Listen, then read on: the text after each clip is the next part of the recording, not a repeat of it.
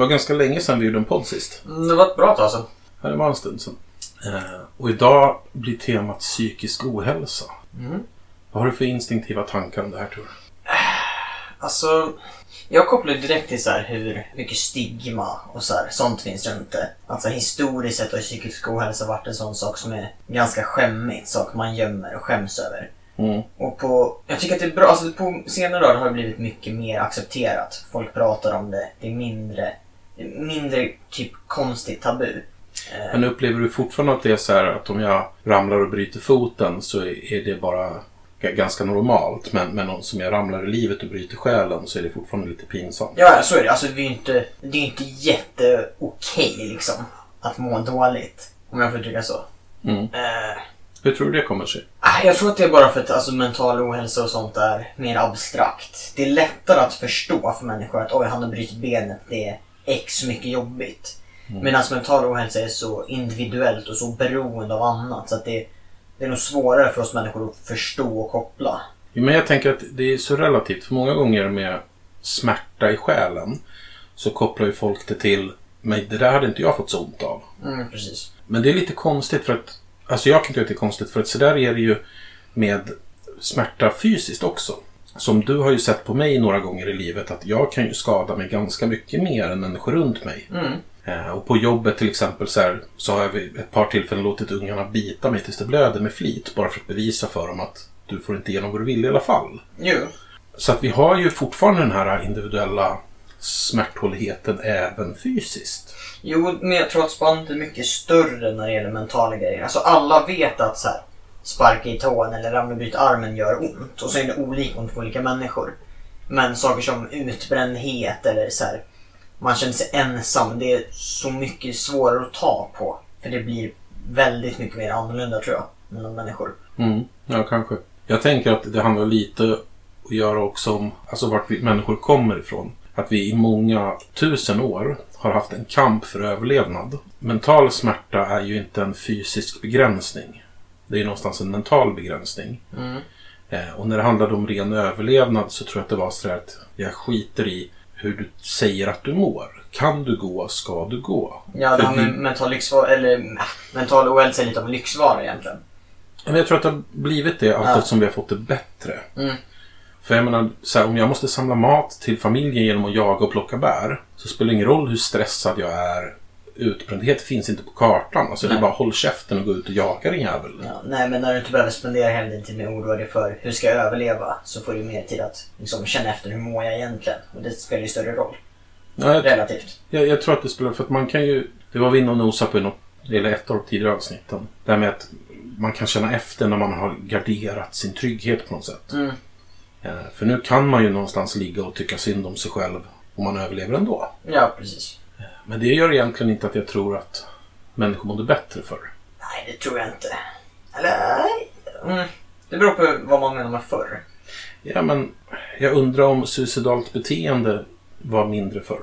Kanske inte, men alltså jag tror att saker som så här, ensamhet och utbrändhet tror jag ökat massor.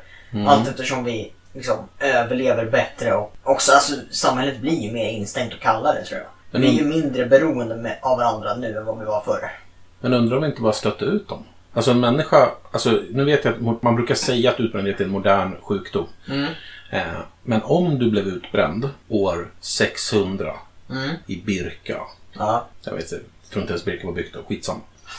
Du hade en, bo- du hade en bondgård i Birka, okej? Mm. Eh, Jag undrar om det inte var, bara var så att du blev utstött alternativt fick soppa då och då så fick du ligga i ett jävla hörn och ingen brydde sig om dig för att alltså, vi hade inte tid att ta hand om dig. Alltså det är möjligt. Ehm, nu har jag, jag har ingen statistik eller fakta på det, jag bara hittar på. Ja, jag spekulerar också bara. Ehm, men jag tror att, alltså jag tror att det kan spela roll, men jag tror också att det har blivit mer allt eftersom. Mm. Jo, men jag, jag tror att psykisk ohälsa är en sån där sak som ökar ju mer man tar tag i den. Mm, för det är också en sån sak som börjar visa, alltså ju mer du är där och gräver på ämnet så kommer det visa sig. För det är så mycket som är dolt. Mm. Du ser ju inte allt. Men det jag tänker med när jag menar bakåt är Mm. att jag undrar om vi inte hade fler mordiska psykopater per capita på vikingatiden än vad vi har nu. I Norden till exempel. Ah, Kanske. Alltså det var ju per capita fler som drog i, ska vi kalla det för krig eller rövartåg. Mm. Och jag undrar om det inte var fler som befann sig i de här rövtågen som njöt av sitt hantverk än vad det är militärer idag som går runt med jordens ståkuk för att de sköt en arab eller någonting nere i Afghanistan. Jag bara spekulerar. M- Möjligt, jag har inte... Jag spekulerar, men min, min, spekulationstes är att Mm. det dåliga måendet kanske mådde fanns för också, men i och med att vi stängde in det så fick det mer absurda och starka uttryck möjligen. Sättet vi behandlade varandra på förr var ju ganska mycket mer barbariskt än idag. Ja, jo, vi är lite mer finkänsliga numera. Det verkar ju som att människor mådde rätt bra av det förr. Det var inte som att folk stod och grät när de brände häxor liksom. Nej, det var ingen som mådde dåligt av det fan. Nej. Så, så jag undrar om, om våra liksom, skadade, överbelastade psyke kanske bara fick brutalare uttryck för. Jag är inte ens säker på att det är så, det är bara en spekulation. Ja, alltså... Jo, men jag skulle kunna vara beredd att acceptera det faktiskt. Som... Jo, men för det du vet, det här med samband och korrelation igen, Mm. som vi alltid pratar om. Ja. Eh, man ska vara väldigt försiktig med det. Men vad man kan se är att även om vi fortfarande beter oss ganska brutalt Mm. så var vi mer direkt brutala förr. Jo, men det var vi ju. Du var ju eye-to-eye brutalare förr. Nu, Mm. nu gör vi ju generellt förtrycket och mobbingen och tortyren gärna från distans om det går. Ja. Eh, Och det är ju psykiskt mer krävande att vara den som står och skär någon med kniven. Mm. Fast jag vet inte om jag är så säker på att psykisk ohälsa skulle varit vanligare förr. Då bara att det kanske visade sig på andra sätt. Att du fick fler som var instabila och utåtagerande. Eller utagerande kanske heter. Än vad du får folk som blev utbrända och ger upp och lägger sig ner. För det kanske man inte hade tid med. Nej, alltså min tes är egentligen inte att det var mer psykisk ohälsa förr. Jag tror om jag ska vara ärlig att det är mer psykisk ohälsa nu. Mm, tror jag med. Men jag tror att glappet är mindre än vad man först tror. Därför att jag tror att en del av den psykiska ohälsan vi hade förr fick uttryck i utagerande. Människor som slog ut väldigt brutalt mot omvärlden. Jo, men det tror jag. Så att jag tror att glappet är lite mindre än vad man ibland tänker sig. Eh, Och det baserar egentligen bara på att jag, när vi pratar om vår moderna historia, då pratar vi i princip om någonting stil med 2000 år. Ja. Eh, Om ens det, kanske till och med 1000 år. Och vår evolution har inte förändrats så mycket de sista 2000 åren. Nej, det är ganska lika. Så jag tänker att människor var människor även då. Vi måste ha mått dåligt även då och därför börjar jag ju leta efter hur kan det ha uttryckt sig eftersom vi inte såg vi har inga rapporter från den tiden om det vi ser idag. Nej. Och jag inser också att jag går väldigt mycket in i confirmation bias här nu. Nu försöker jag Ja, hitta klart. bevis för min tes. Jag, jag har den här idén. Kolla, här är bevisen. Ja, Ja. men det, ja, nej, det, det är möjligt i alla fall. Men vad tror du om hur vi uppfattar saker då? För att psykisk ohälsa handlar ju väldigt sällan om fysiska förutsättningar. Ja, det är ganska ofta så här spöken i huvudet egentligen. Ja, och hur du förhåller dig till dina förutsättningar. Mm. Som det lätta sättet att beskriva är skillnaden på att vara själv och att känna sig ensam. Mm, det är en omskillnad. Men rent fysiskt behöver det inte vara en skillnad. Rent fysiskt sitter du själv i din stuga i Norrland. Mentalt så är du antingen ensam eller för dig själv. Jo, men det här är ju två saker som är... Alltså, hur många människor du har runt är ju egentligen inte direkt kopplat med hur ensam du är. Alltså, du kan ju vara ensam i ett rum fullt med människor. Ja. Och känna dig... Och känna dig bara själv, men okej med det. Om du är helt isolerad. Det är den vidrigaste ensamheten jag känner till för övrigt. Äh, ensam bland folk, ja. Ja. ja. Nej men det vidrigaste, det behöver inte ens vara många. Det vidrigaste jag vet är de gångerna man känner sig ensam och så står man i ett rum där man vet att man inte borde vara det. Mm. Som, eh, ponera att du någon gång har känt dig oförstådd och ensam mitt vid familjebordet när vi ska Ja. äta mat. ja då man, blir man lite mer direkt utesluten på ett annat sätt. Ja, det är det vidrigaste jag vet. För att man hela tiden blir påmind om att här är ju där jag ska vara tryggast i världen. Nej, men det jag menade var ju att vi, upp, vi uppfattar världen på ett sätt och det blir vår verklighet. Jo. Men det behöver ju inte vara verkligheten och det här kanske spelar in i hur vi uppfattar psykisk ohälsa. Eftersom det är din bild av någonting, inte vad som är. Medan har jag brutit foten så är foten bruten. Har jag brutit själen så uppfattar jag att allting är fel för mig. Jo, men jag tror att det kan spela en ganska stor roll. För att det är så här, just det att det är svårare att ta på. Man får svårare att förstå sig själv, förstå vad man ska göra åt det. Mm. Fast sen tänker jag också så här, om man ska vara, äh, gå lite djupare så här, oh, men är det sant eller inte? Det kan man ju se om det mesta. Alltså, Ja. Men jag tänker att det är extra relevant när det är någonting som bara sker i våran tankevärld. ja, jag, jag tror att det kan vara. Jag, alltså, jag, jag tror att det är väldigt individuellt. Ehm, idag går ju, idag vet vi ju att, att det är fysiologiskt. Så att man kan Ja. mäta stresshormoner och grejer. Jo, så är det. Vad vi däremot inte riktigt kan ha full koll på är ju varför de utsöndras för vissa människor i vissa lägen. Nej, de gör... Det blir lite så, lite hejkon bacon. Ja, det verkar vara ganska individuellt också. Till exempel Mm. hur mycket press man kan ta innan man blir helt utmattad. Ja. Hur tror du, om man tittar på mediebilden, Mm. samhällets bild av vad som händer. Hur sann tror du att den är?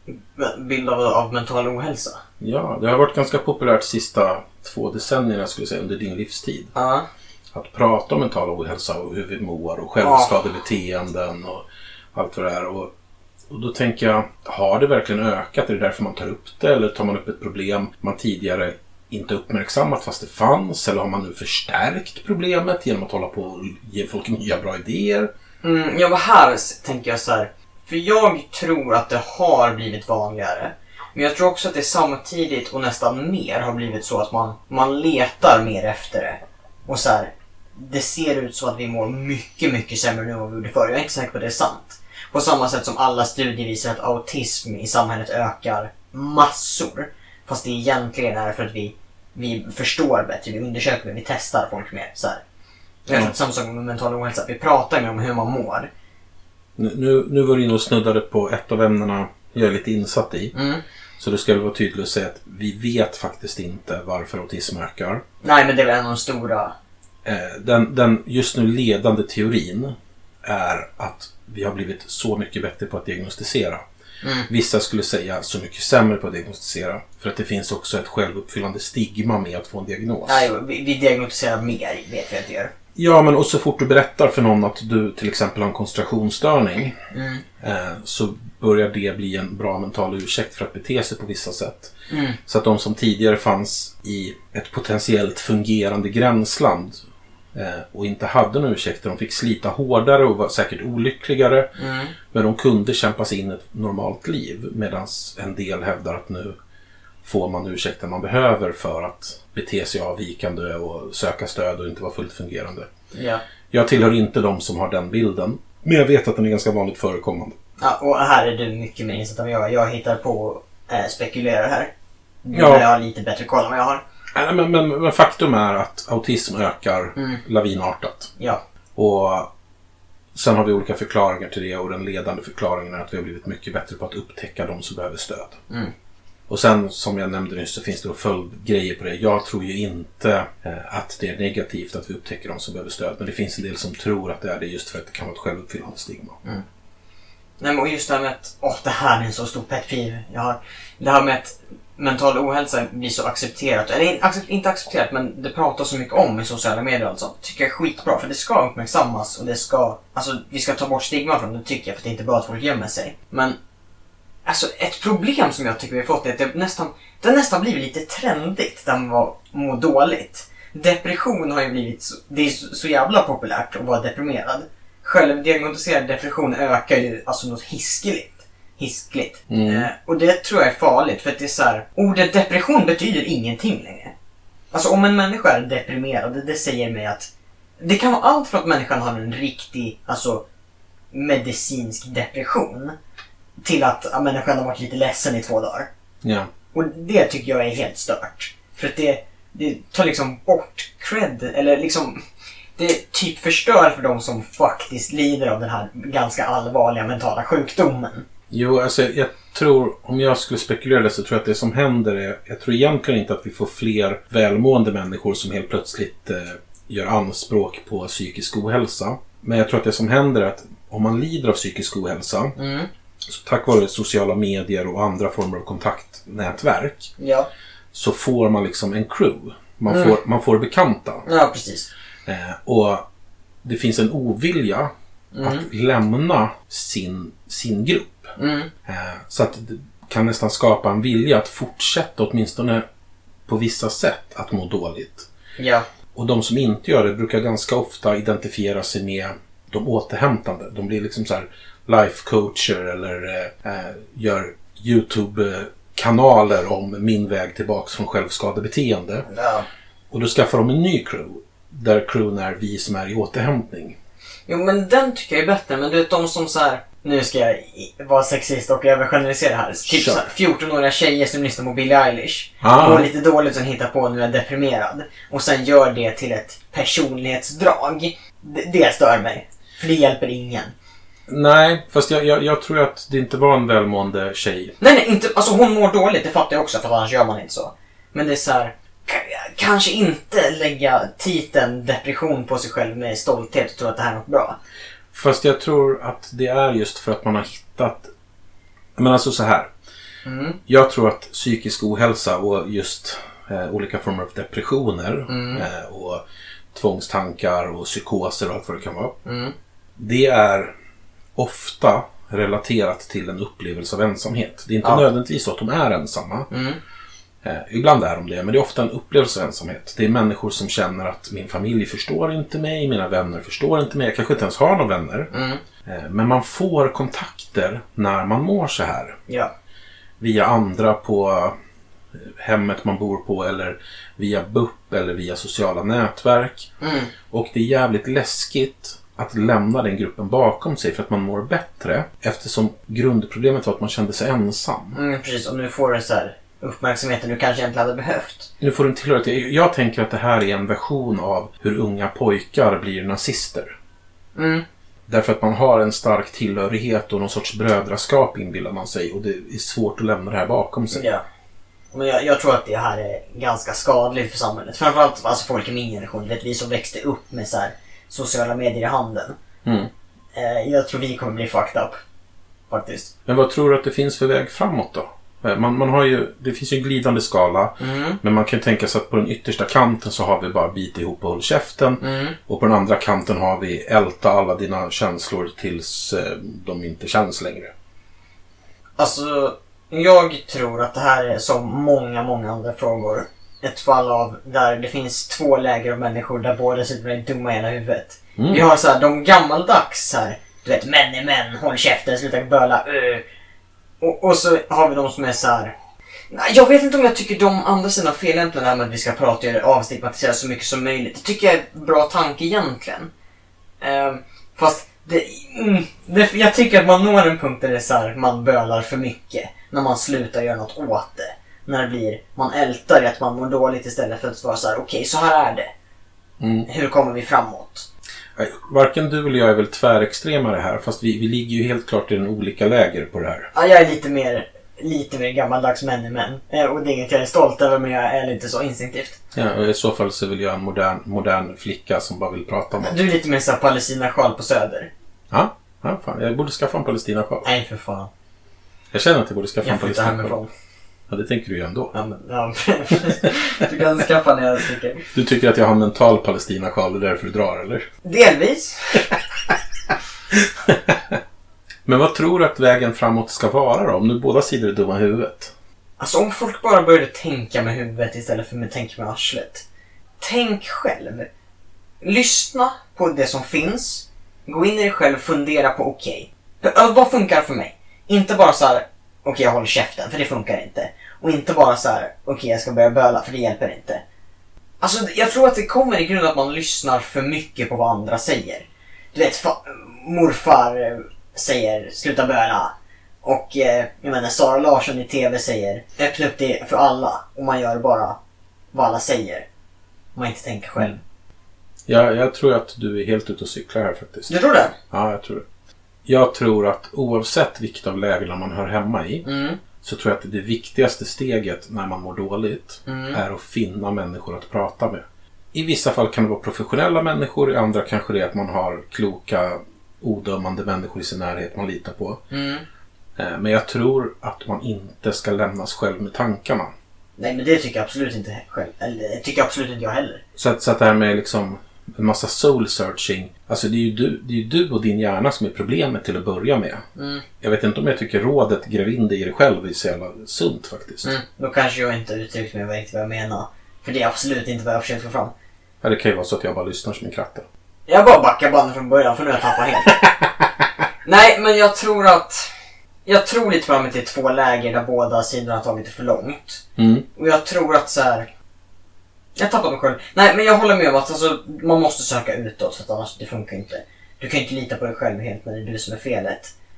Eh, men jag tror också att det är så här. Jag tror att det är ett problem att så här, man visas extremsidorna av argumentet i princip bara i sociala medier och sånt. Och från utifrån familj, släktingar, vänner. Men, men jag, jag tror så här, för att sträcka ut en liten olivkvist till din sida av, Ja. av det här.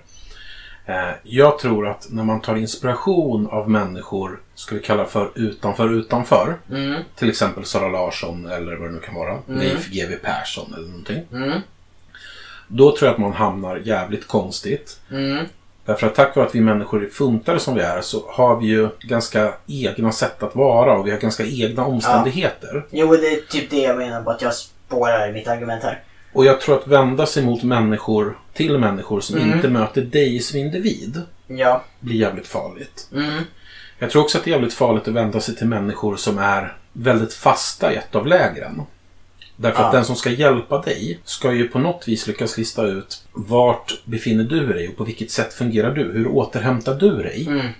Och stötta dig i den processen. Ja. In, men, Inte trycka på dig sin process. mm. ja, men nu vet jag riktigt eh, Nu vet jag hur jag ska uttrycka det. Jag tror att det är mer snarare att så här, det, du kan inte lägga en mall på det. Och det är det, det, är det jag tror är skadligt. Att så här, Mm. Det är en flytande skala, det är individuellt. Jag tror inte att det är bra att vi sätter upp strukturer för så här ska det vara, så här ska man göra åt det. Det tror jag skadar folk. Ja.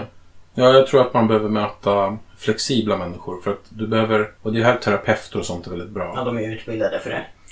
Ja, men och psykologer och, och jag måste säga, för det har jag alltid sagt, det har jag sagt till dig sedan du var liten också. Mm. Att det upprör mig att alla människor förstår att man ska gå och linda om armen om man har fått en brännskada hos en läkare. Mm. Men att det fortfarande känns lite jobbigt att gå till en psykolog när man har bränt själen. Ja, jag hade inte gjort det. Nej, och det upprör mig att, att det fortfarande fungerar så. Ja, jo, det fattar jag logiskt också. Eh, Eh, Sen gör det lite ont med att jag vet att jag är precis en och de andra får en. Ja, men alltså grejen är, egentligen så fäster jag inte så stor vikt vid det. Det finns ju en massa människor som vägrar gå till doktorn också, till och med när de har skadat sig. Jo, fast jag tycker de är puckade. Jo, men det finns människor som vägrar göra det. Jag är Mm. ibland alldeles för sent till doktorn. Ja. Så att jag lägger ingen värdering i hur man går där, utan däremot så tänker jag dialogen eller resonemanget runt det. Mm. Att det måste vara lika okej att söka stöd för att man har brutit sönder sina känslor som att man har brutit sönder sina tår. Det är ju egentligen en skada på dig som entitet. Och vi, Mm. och vi lägger upp kropp och själ. Och du ska gå till den som är specialist på det som är skadat. Har du slagit av en tand går du till tandläkaren. Har du dålig syn så går du till optiken. Eh, mår du dåligt i själen så går du till terapeuten eller psykologen. Sådär. Ja. Eh, det som kännetecknar en bra terapeut eller psykolog i min bild. Mm.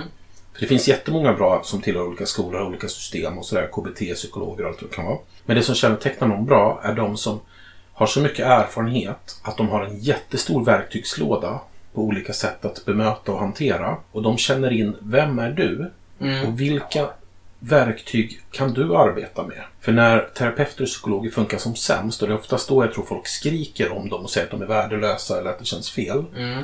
är när de har ett färdigt recept, lite som du säger, de har en patentlösning som Mm. de ska trycka ner i halsen på dig.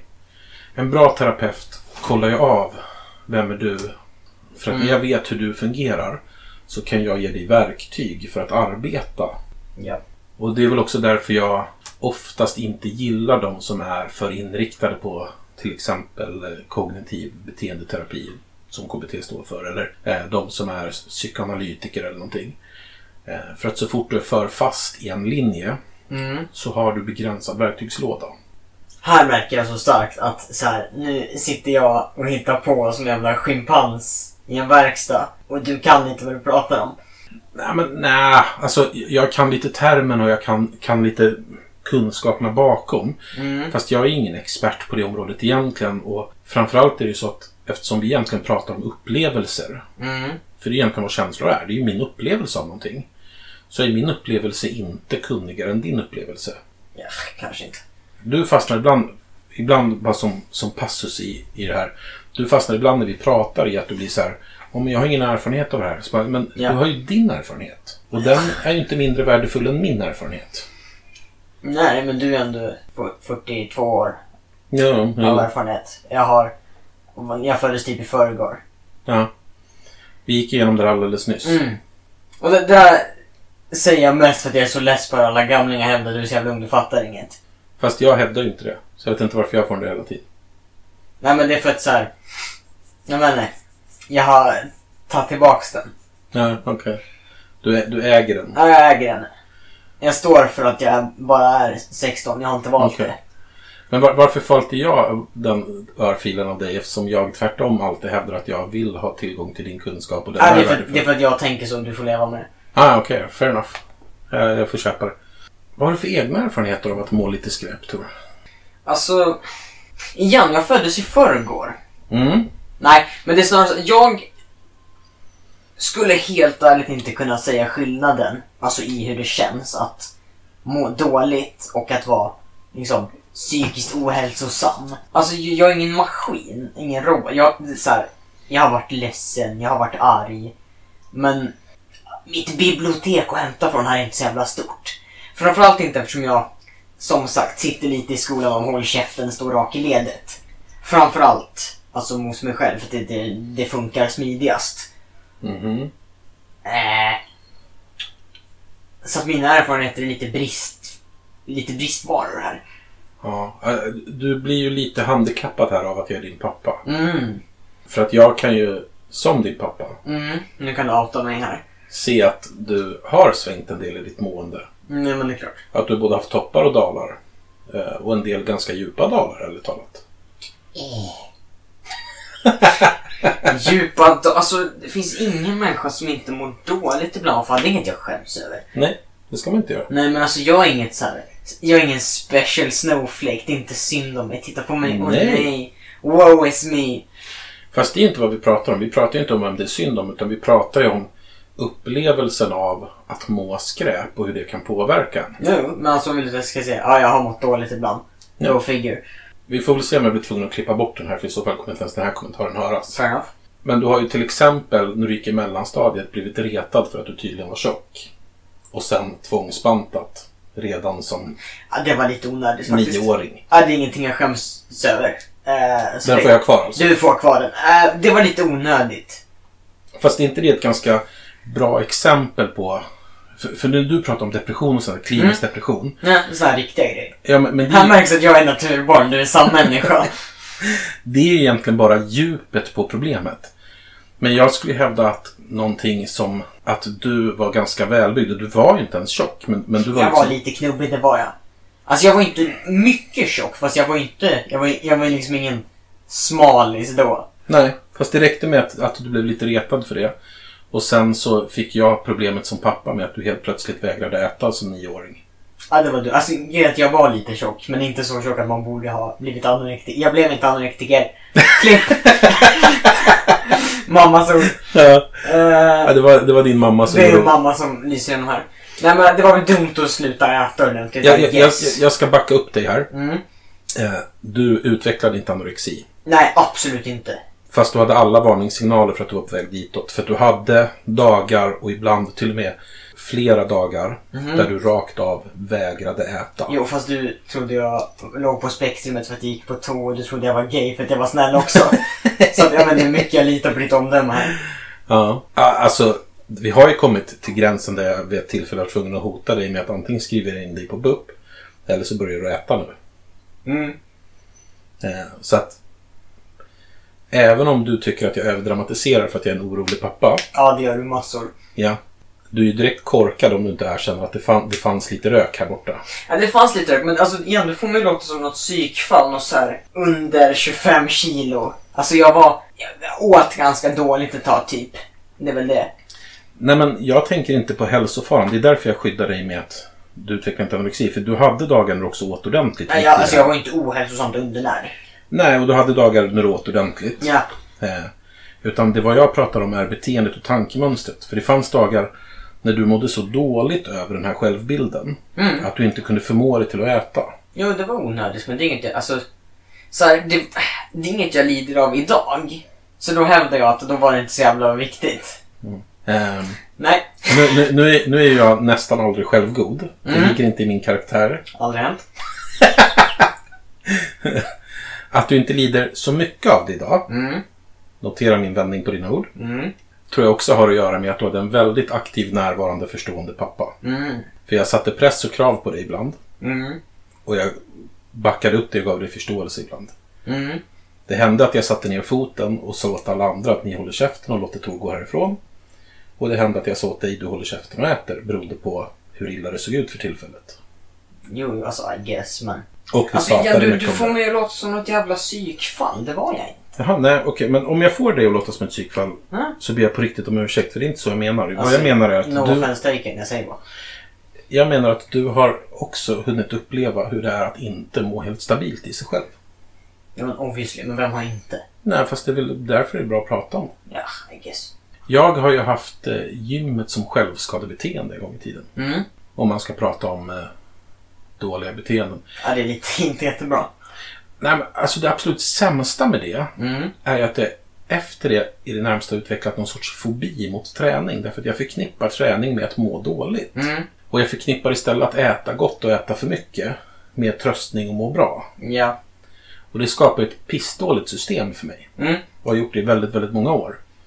Jag borde ju ha tränat för att må bra, inte träna för att jag ska ha ont för jag förtjänar att lida. Jo, fast alltså, du har ju rätt, men det är lätt att hävda det. Så här, jag borde ha gjort. Och om jag bara tänkte så skulle jag.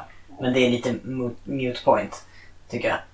För Ja, så funkar inte folk. Nej, men jag tänker att där värdet i det finns Mm. är att jag har ju fortfarande 42 år gammal förhoppning om att kunna vända det här tankemönstret. Och då måste jag försöka se hur jag hamnade där och se mitt tankemönster. Ja, jo, För sure. att ha en möjlighet att kanske göra nya kopplingar i framtiden. Ja, det går ju. Kolla på mig. Stabila 66 pannor. Let's go! Normalviktig. Ja, absolut. Mm. Vill du att jag ska slänga in någon av mina erfarenheter eller, eller vill du bli lite stressad över en till av dina som du verkar förtränga? Jaha, vad är det du ska nu då? Hur bra mådde du under din 5-6 års period? Fem, sex, va? Du har ju ett Ja. halvår av ditt liv som Ja, du typ men- inte minns. Eh, alltså, grejen är att jag vet precis vad du pratar om. Mm. Eh, Ja, det är ju sex månader liv stör, som... stör du dig på mig att prata om det här? Nej. Nej, när ni var, ni var ju skilda ett tag, du och morsan. Ja. Ehm, jag kommer ihåg att jag, eh, alltså både då och sen ett par år efter mådde lite dåligt över det. Alltså Mm. jag fick ju någon sorts alltså, panik varje gång du och morsan var minsta osams. Ja. Ett par år efter liksom. Men grejen är att under den här perioden, när, alltså när vi bodde i Märsta, när ni precis hade skilt liksom. Jag kommer inte ihåg skit, alltså det är blankt. Nej, det är det jag menar. Du, du har ju ett halvår av ditt liv som du inte minns. Ja, det, alltså, vi, det kan lika väl hitta på. Alltså jag kommer ihåg lösryckta minnen. Jag kommer ihåg att du och jag käkade lingongrova och keso i källaren vi bodde. That's it. Alltså det är så här, det är inget jag, det, det är liksom inget så här, åh, vilket trauma jag går runt och mår dåligt över. Det är bara så här, det kan mycket väl inte ha hänt. Ja. Så att alltså det stör inte mig idag, för det, I don't know. Nej, fast det var det som var min poäng. Det Mm. faktum att du inte minns, mer eller mindre inte minns ett halvår av ditt liv. Nej. Eh, och då är det inte för att du var för liten, för du minns saker innan det här och du minns saker efter det här. Utan det, det finns en blank space där. Ja, men jag kommer inte ihåg så mycket från Märsta även innan det heller. Fast när vi har pratat, du kommer ihåg mer innan. än Ja, lite mer. Ja. Eh, Och att det finns en blank space just där säger ju att det här var ett känslomässigt trauma för dig. Eller så din- låg jag i koma och hittade på det här. Alltså jag, det är hjärna- samma sak för mig. Din hjärna har ju bara fuck off. Ja, mycket möjligt. Och det... Den Ja. tycker jag är nästan lite så här. Nu, nu, nu ska jag vara taskig här. Mm. Kan ett så litet barn ens uppleva? Alltså kan en sån liten människa ens må dåligt? Har man abstrakt tänkande för att klara av det? Nej, fast jag tror att så avsaknad av abstrakt tänkande gör det nog ännu värre. Eh, därför att jag tror ju att det är hormoner och reaktioner som skapar... Alltså, jag tror inte att DMT i vår hjärna är så stark Mm. att den helt friständigt kan uppleva saker. Utan jag tror att vi måste ha synapser som klickar, vi måste ha elimpulser, vi måste ha hormoner Mm, som susar runt i kroppen. Mm. Eh, och när du inte ens har koncept att fundera runt vad är det som händer. Mm. Utan du har bara en stark oroskänsla eller du har bara en konstant magknip. Mm, men du kan inte sätta fingret på det och förstå vad det är. Så tror jag nästan att det kan bli ännu värre för då blir det läskigt. Då blir det skrämmande. Nej, nej, Eh, och jag tror att det påverkar att du förträngde den här perioden. Därför att det var så läskigt och så jobbigt att du kunde inte ens ta in riktigt vad du upplevde. Nej. Eh, Och jag tror att hade det hänt idag hade du kunnat ta in det och kanske inte gillat det bättre, men åtminstone vetat vad som hände. Ja. Eh, Jag har ju konstiga blank spaces från min barndom också. Mm. Eh, Men de är konstiga på sättet att jag minns dem, Mm. till skillnad från dig. Ja. Eh, Och jag minns vad jag tyckte om det, Mm. men jag kan inte komma åt känslan i det. Ja. Mhm. Att det är nästan som att, Som man ser på film. ja, Mm. som att jag liksom lämnade mig själv och bara tittade på vad som hände. Mm. Och jag minns att jag hade sån upplevelse när jag var liten också. Jag hade en jätteläskig grej som brukade hända mig någonstans från fem års ålder. Och den hängde kvar ända till 13-14 år. Eh, där ibland kändes som att jag försvann. Mm. Och det kunde hända mitt i en dialog. Den jag pratade med, rösten, blev tunnare och tunnare och tunnare. Mm. Eh, och min bild zoomade ut. Eller jag ska säga. Alltså som, som att man vänder på en kikare. Mm. Att jag har minnen av att jag kunde sitta och prata med mamma till exempel. Och helt plötsligt var hon stor som ett knappnålshuvud. Och jag hörde inte vad hon sa längre. Och he hela jag bara zonade ut.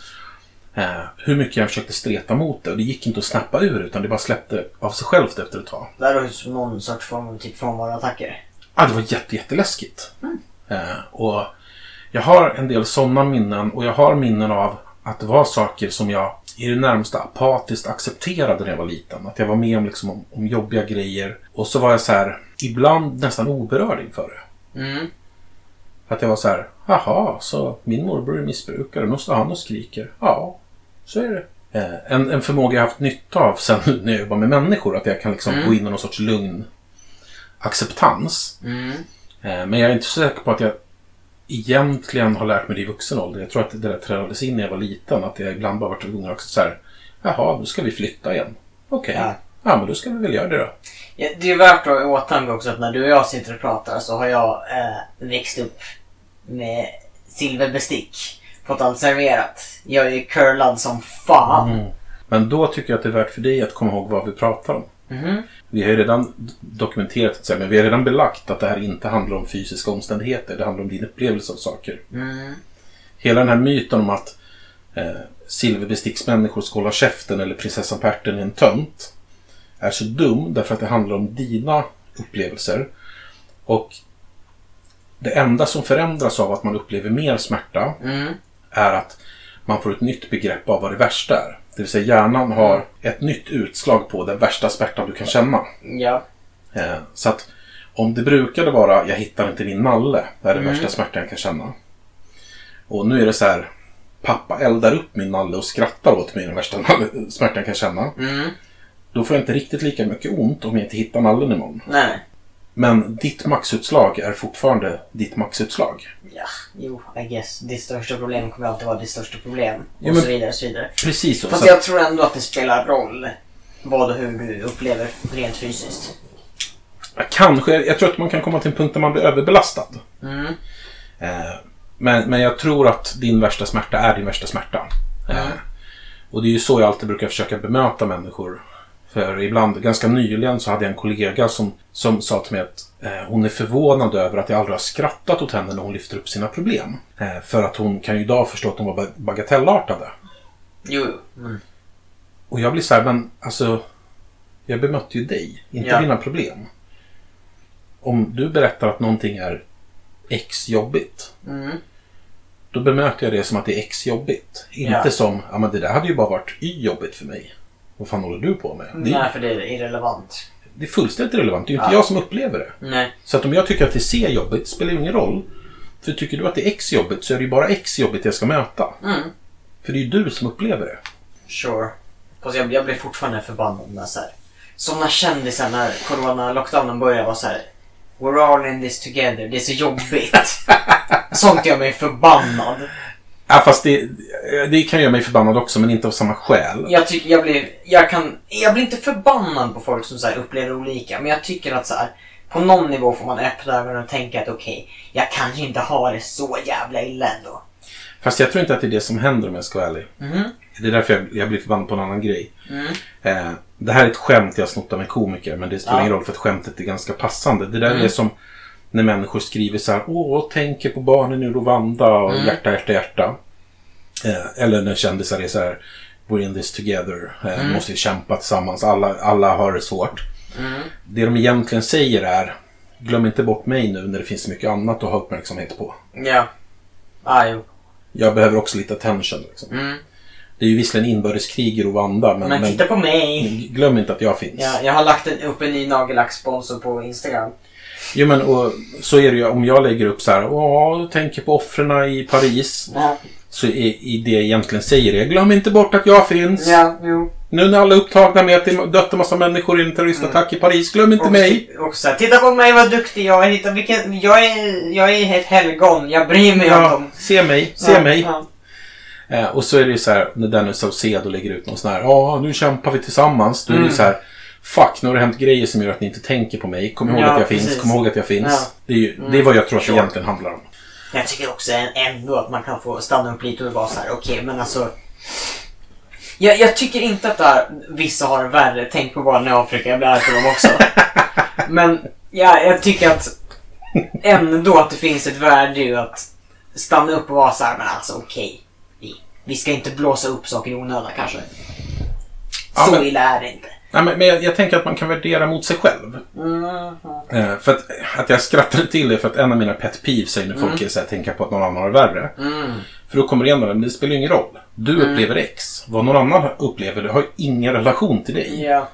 Men vad man däremot kan kanske göra är att stanna till och vara så här. Men jag har problem. Jag mår på vissa sätt. Mm. Har jag möjligheter att påverka det? Finns det utrymme för mig att förbättra min situation? Mm. Och om svaret är ja på någon av de här frågorna. Då kanske man kan börja slappna av lite grann. Mm. Att då kanske man kan vara så här, okej jag mår skräp, men det är inte hopplöst. Eh, Jag har ett skuldberg här som tynger mig. Mm. Men det är inte hopplöst. Jag kan börja jobba med det här. Eh, Och jag tänker på det i relation till vad du berättar att det finns ju människor som lider och faktiskt inte kan påverka sin situation. Mm. Och då kan man kanske, om man har lite tur, hitta någon sorts tacksamhet i sig själv där man är så här, men jag kan påverka min situation. Mm. Det är inte så hopplöst för att jag har fortfarande utrymme. Sen tror jag också att så här, som jag tänker på, det beror lite på vem man pratar med. Alltså, jag tycker att så här, det är dumt att om du lider mer än vad jag gör så får inte jag lida längre. För då är det en människa som får må dåligt. Mm. Fast jag tycker att om man sitter och pratar med någon som har varit här, jag vet inte, barnsoldat i centrala Kongo. Mm. Kanske man in, det kanske inte är rätt läge att gnälla över. Det, det var så jobbigt när mina föräldrar skilde sig. Jag har minnesluckor från det. Du kanske känner igen dina minnesluckor. Det ja, känns lite såhär, men ah, ja. Nej, men jag tänker att det går ju bra om man bara har en viss ödmjukhet. Eh, Kanske. Jo, men som när du och jag pratar om så här kulturell stolthet. Det är ju samma sak här egentligen. Att man har en ödmjukhet inför andra. Att om du pratar med någon som har varit barnsoldat. Jag har faktiskt en bekant som har varit barnsoldat. Oh shit. Eh, Det pratar han aldrig någonsin om. Förståeligt. Men om du pratar med en sån människa. Mm. Du behöver inte gömma vad du har upplevt och vad du har mått. Och du behöver inte skämmas för att det var jobbigt för att dina föräldrar skilde sig en period. Eh, Men vad du däremot kan göra är ju att du antingen kan ha attityden eller kanske till och med säga jag vet att det inte kan mätas emot vad du har upplevt. Fast det här var bland det jobbigaste jag har upplevt. Mm. Eh, För då har du fortfarande en ödmjukhet för att du inte på något vis jämför dig med hans lidande. För det är det man ska undvika. Ja. Och, och likadant om du är den som har lidit värst. Mm. Så ska du heller inte jämföra med de andra. För du ska inte vara så här, jag har lidit mer än vad du har. Det är också ganska nasty. ja, det är ganska taskigt. Eh, utan att man oavsett, man, oavsett hur man värderar sitt lidande i relation till andra har en ödmjukhet inför. Så här har jag upplevt. Vad har du upplevt? Mm. Och att man, jag, jag tror att man kommer bättre då. Ja. På samma sätt som att man kan vara så här, jag är stolt över mitt vikingablod. Vad har du för blod att vara stolt över? Mm. Mhm. Jo. Jo, I, I guess. Så jag, jag tror att ett visst mått av ödmjukhet. Att inte, för det är någonting jag ofta tänker på. Det är så lätt hänt att man berättar för andra vad de ska tycka. Mm. Det är så lätt hänt att man berättar för andra vad det är. Eller att man berättar för andra vad de känner. Så här, du struntar i mig. Mm.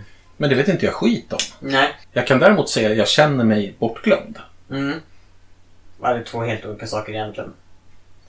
Väldigt olika saker. Du får olika utslag också just när man pratar om så här, vad finns det för vägar framåt. För du struntar i mig, det är en direkt attack mot dig. Ja. Jag känner mig bortglömd. En, kan mycket väl någonstans vara en inbjudan till, kan vi hitta ett sätt så vi båda mår bättre. Mm. Ja, ska vi avsluta med, har du några tankar eller råd för hur man kan göra om man mår lite skräp idag? Mm, nu, ska jag, nu ska jag vara en hycklare här. Ja. Min favorit. Ja. Mår man dåligt, sätt heden på sidan. Prata med någon för fan. Annars kommer jag slå ner. Nej men. men, men det är ju det bästa man kan göra och jag eh, gör inte det. Jag, nej, jag ska lägga in en passus här. Jag ska skydda dig och försvara dig här. Mhm. Nu kommer pappa, riddaren in. Jaha, tack. Nu ska jag vara min white knight. Ja, Ja. du gör visst det. Det händer ganska ofta att du väntar en dag, två dagar, tre dagar, ibland Mm. tre veckor. Fast du kommer faktiskt till mig. Mm, ibland. Alltså, ibland som är att du kommer till mig med vissa av dina problem eller ibland Mm. som att du väntar till, tills du har fått ordning i huvudet själv innan du kan prata med mig om det. Ja, nu kommer du börja vara på mig bara för att jag säger det, men jag måste säga det. Du märker gången när jag kommer till dig. Mm. Du vet inte om gången jag inte kommer till dig kan jag säga. Mm. Och även gången när jag kommer till dig, för det är framförallt det jag pratar om, det så här, något som är. Så kommer inte jag med jag mår dåligt. Det, är, det här är ett fysiskt konkret problem jag har. Ja, jag vet. Ja, för att sån är jag. Fast du har också kommit ibland med jag mår inte bra pappa. Jo, men det är inte ofta. Nej, det är inte så ofta. Och framförallt så brukar det komma efteråt. Det Mm. brukar komma så här, pappa jag har inte mått så bra sista veckorna. Ja. En, en ganska vanlig grej du kommer till mig med är eh, Förlåt om jag har varit otrevlig pappa, jag har inte Mm. mått så bra sista dagarna. Och, ja, det är en klassiker. ja, men, och då kan vi ofta prata lite grann om vad, vad är det du har känt sista dagarna. Ja, jo, I guess. Men oavsett hur bra eller sämst jag är på det, alltså för fuck's sake, bara... Det är ingen, alltså helt ärligt, det, det är ingen som kommer störa sig. Sätt heden på sidan. Prata med. Ja, steg ett. Är det okej om jag spelar in den där och spelar upp den för dig lite då och då? Nej. Eller det kan vara fel, men jag kommer inte lyssna. för jag är den korkaste människan jag känner. Den mest korkade människan jag känner. Du är en av de klokaste ungdomarna jag träffat i hela mitt liv. Mm. Alltså jag är jävligt smart faktiskt. Ja. Också den ödmjukaste människan jag känner. Ja. Och också den stundvis mest frustrerande människan jag känner. Jag är lätt ödmjukast i det här rummet. Mm, precis så. Nej men, alltså det känns dumt för mig att ge råd för så här, oh, om du mår dåligt. Nej, men det jag tänkte var att du kanske har så här... Eh, även med brasklappen som du har sagt att Mm. du har inte hunnit uppleva så mycket och du vill inte Ja. lyfta upp att det har varit så starkt och vad det nu kan vara. Mm. Du har ju fortfarande erfarenheter av när det inte har känts så bra och hur du har tagit dig ur. Mm. Det finns faktiskt en sak, alltså en mental grej som har hjälpt mig rätt mycket. Men det är för att jag är inte sån som, alltså jag är ganska så här, jag är ganska orolig, men jag stressar rätt mycket av vad andra tycker om mig och hur Mm. andra.